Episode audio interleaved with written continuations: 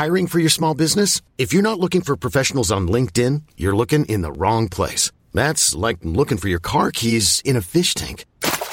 LinkedIn helps you hire professionals you can't find anywhere else, even those who aren't actively searching for a new job but might be open to the perfect role. In a given month, over 70% of LinkedIn users don't even visit other leading job sites. So start looking in the right place. With LinkedIn, you can hire professionals like a professional. Post your free job on linkedin.com slash achieve today.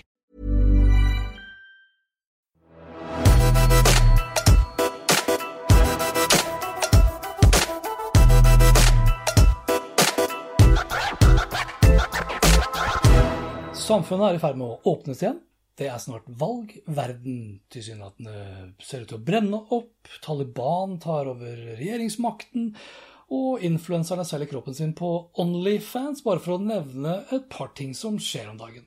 Og så er høsten like rundt hjørnet. En høst som blir hybrid, og en valgkamp som kommer til å stygge seg til etter hvert som vi nærmer oss selve valgdagen. Sylvi og Lan skyter på hverandre på Facebook, mediene skriver polariserende overskrifter, og FN-rapporten gjør at mange av oss nesten ser ut til å glede seg til å forlate den kloden her, samtidig som vi gruer oss til å overlate den til våre barn og barnebarn. Og så har jeg gjort noe som jeg aldri har gjort før. Jeg har laget en liste av tips og råd, eller life hacks hvis du vil, for tiden som kommer. De er eh, litt tabloide, de er ment å være litt eh, humoristiske, men de er også ment å være litt alvorlige. Og så får responsen da vise hvor mye av det her som kan eh, stå som gode life hacks, og hvor mange som da eventuelt da blir tatt imot da som ren bullshit. Du må gjerne skrive en liten kommentar, og hvis det er for mye forlangt, så holder det også ganske mye med f.eks. en tommel opp eller en tommel ned. Så her går vi i gang med da 14 life hacks for den hybride høsten. Nummer én ikke vær en antivakser. Ta vaksinen. Bruk huet. Nummer to ikke tro på alt du leser bare fordi det står skrevet på internett, eller fordi vennene dine f.eks. har delt det på Facebook. Vær litt mer kildekritisk. Nummer tre. Ikke kommenter før du har lest hva saken handler om. Please! Gjør en innsats for å ta ballen og ikke spilleren. Vær gjerne kritisk, men saklig, og kom gjerne med forslag, innspill, nyanser.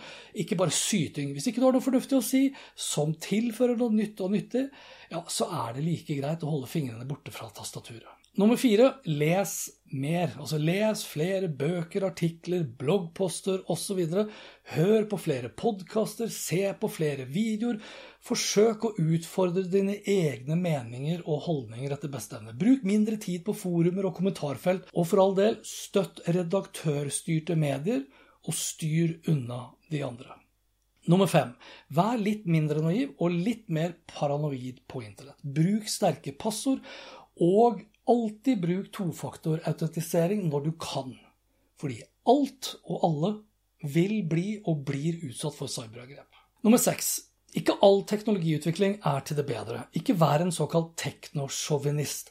Alt kan ikke løses med teknologi, spesielt ikke i et bærekraftperspektiv, men også når det kommer til det rent praktiske, som f.eks. det fantastiske med at det går an å levere pakker med droning versus da med sykkel.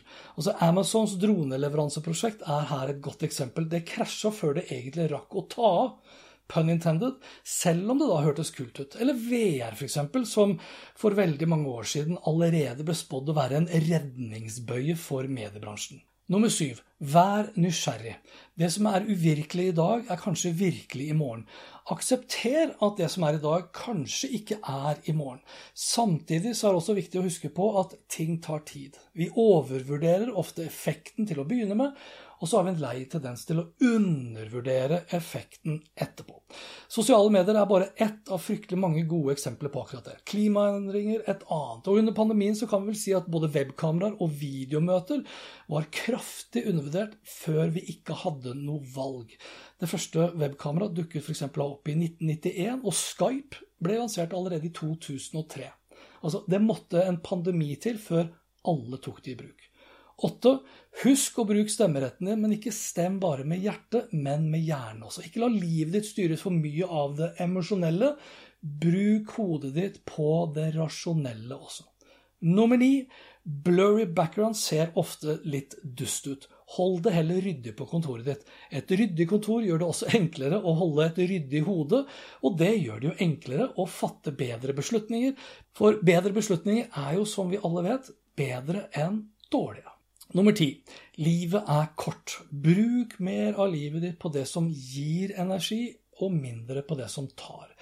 Altså, det er ingen skam å unfriende, slette eller blokkere personer som kun gjør livet surt for deg.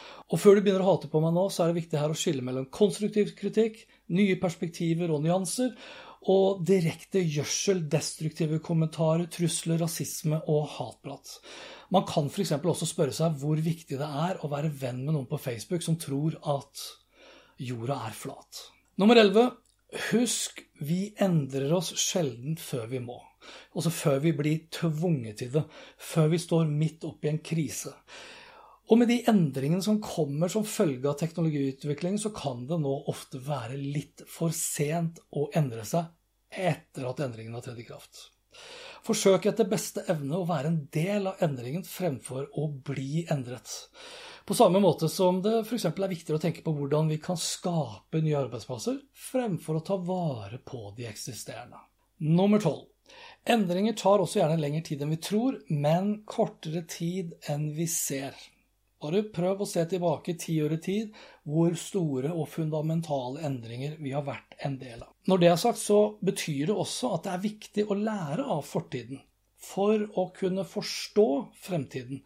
Men Samtidig så er det også viktig å ikke basere fremtiden nødvendigvis på fortiden. Nummer 13. Vi har en lei tendens til å ta all ære selv når ting går bra, og skylde på alle andre når ting ikke går vår vei. Forsøk etter beste evne å spille hovedrollen i ditt eget liv fremfor å overlate regien til andre. Og til slutt, nummer 14. Det er mye enklere å gi råd enn å følge dem selv. Bare så det er sagt. Lykke til, da. Vi snakkes.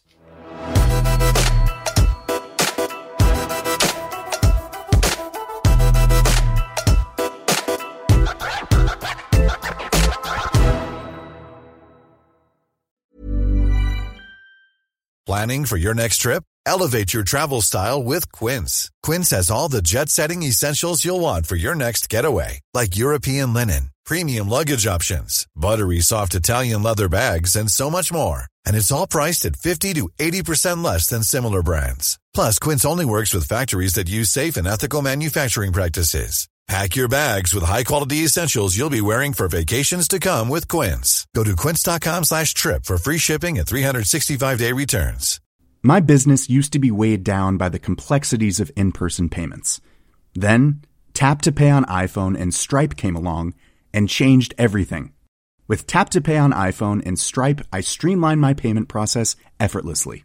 Now I can accept in person, contactless payments right from my iPhone. No extra hardware required. What's truly remarkable is how I can cater to all of my customers' payment preferences. Whether they're using cards, Apple Pay, or other digital wallets, Tap to Pay on iPhone and Stripe ensure a smooth checkout experience every time. And it's not just me. Stripe helps businesses of all sizes, from local markets to global retailers, scale quickly and stay agile. To learn how Tap to Pay on iPhone and Stripe can help grow your revenue and reach, Visit stripe.com slash tap iPhone.